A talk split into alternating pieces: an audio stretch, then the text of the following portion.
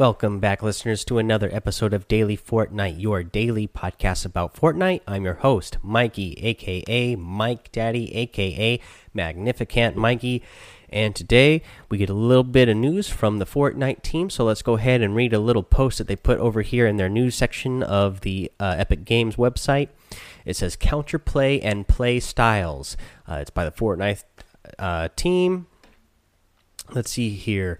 Um, too long didn't read, they say, and then it says, okay, we are going to continue to make changes to evolve the game to give players multiple ways to counter each other in combat and create more strategies to win the game. Fortnite is constantly evolving. Our goal with any changes is to keep the game fun and interesting, keeping it feeling fresh and new. It's important to support a variety of late game strategies that don't boil down to quote, just build, lol, unquote. This next part is in bold. We strongly believe that the evolution of Fortnite supports a wide range of playstyles and counterplay. Then they say currently, the superiority of shotguns, rockets, and uncapped building are such a dominant playstyle in the final circle that most other strategies are being drowned out recent and upcoming changes. We have made a few changes recently, uh, and will continue to make more. Uh, most recently, that what they are probably uh, alluding to is the shotgun nerf and nerfing how many rockets you can hold. Uh, they continue to say to give you options to counter other players in combat, especially in the late game. We are exploring changes to weapon balance and resource economy, like uh, e.g., resource caps, moving forward. So, where does this leave us? You should be able to find victory royales through multiple strategies. Shotguns should be strong, but other weapons have room to grow.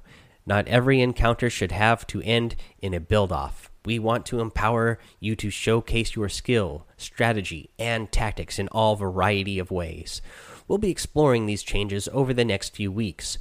We're excited to hear your thoughts and encourage you to participate in discussions on our various social channels. All right, and that's a little message they gave us today. Uh, I overall I like the the messaging that they have here. I I do really one of the reasons why I love Fortnite is is the fact that it does constantly change. And you know it's not just one stagnant game that it continuously changes gets better. Sometimes some things get changed that we don't like but the fortnite team generally seem to listen to the community. Uh, so as long as they're making changes you know really let them know uh, you know the changes that you like and let them know the changes you don't like. And you can do this in ways by you know going to the uh, epic games uh, and then go to the Fortnite section and go to the forum section there and leave you know your comments uh, and messages to the Fortnite team, letting them know what you know whatever changes that you like or what you really don't like.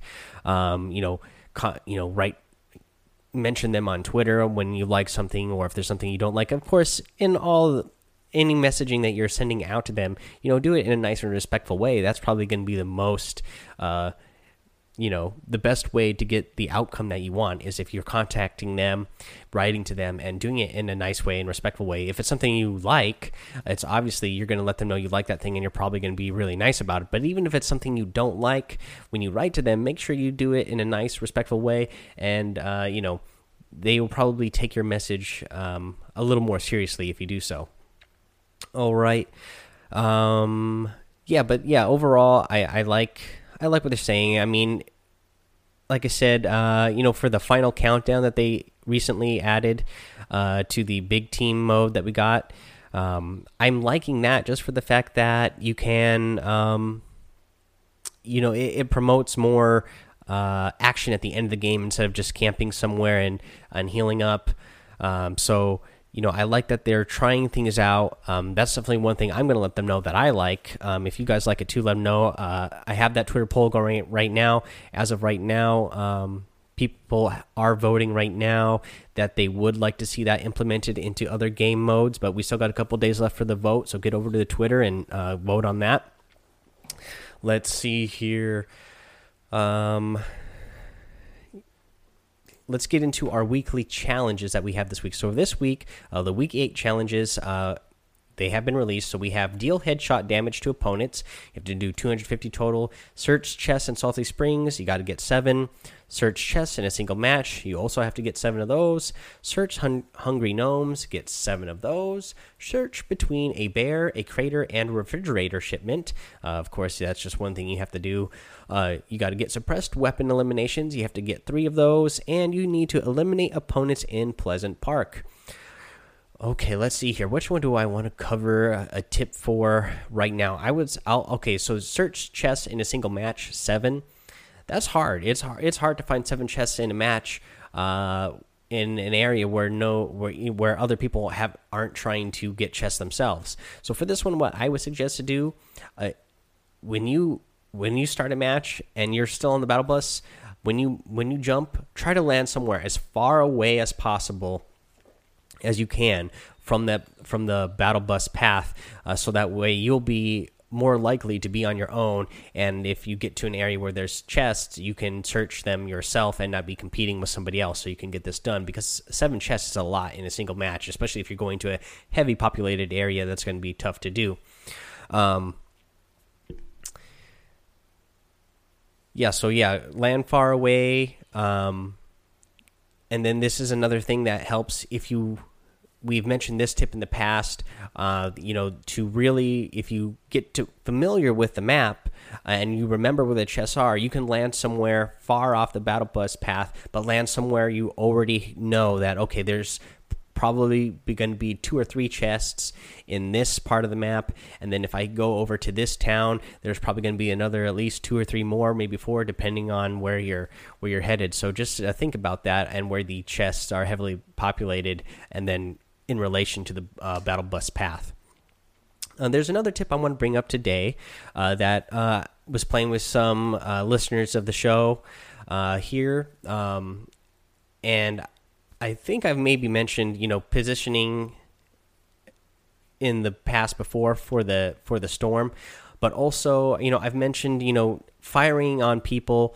Um, and waiting to fire on somebody until you have the advantage and making sure you have yourself a good situation. So now what came up here was we were we were out we were on our way uh, to get to the next circle. So we have the storm coming in from behind us, and then we have to get to uh, the next storm circle. And then we encountered an area where there was another team ahead of us. And now the the better play to do this since you have to get to that next storm circle unless you have a clear advantage that you are going to you know whether you're playing solos you need to have that clear advantage that you know you can for sure take your opponent out. And then the other thing is if you're playing a squad or uh, duos you know you need to be sure that you are going to take that duo out or you're going to take that squad out before you start shooting before you take those shots. That uh, because the problem with shooting at that team, if you don't, you know, have the advantage, you for sure know you don't know for sure that you're for sure going to be able to take them out. Is that now you're stuck between the storm?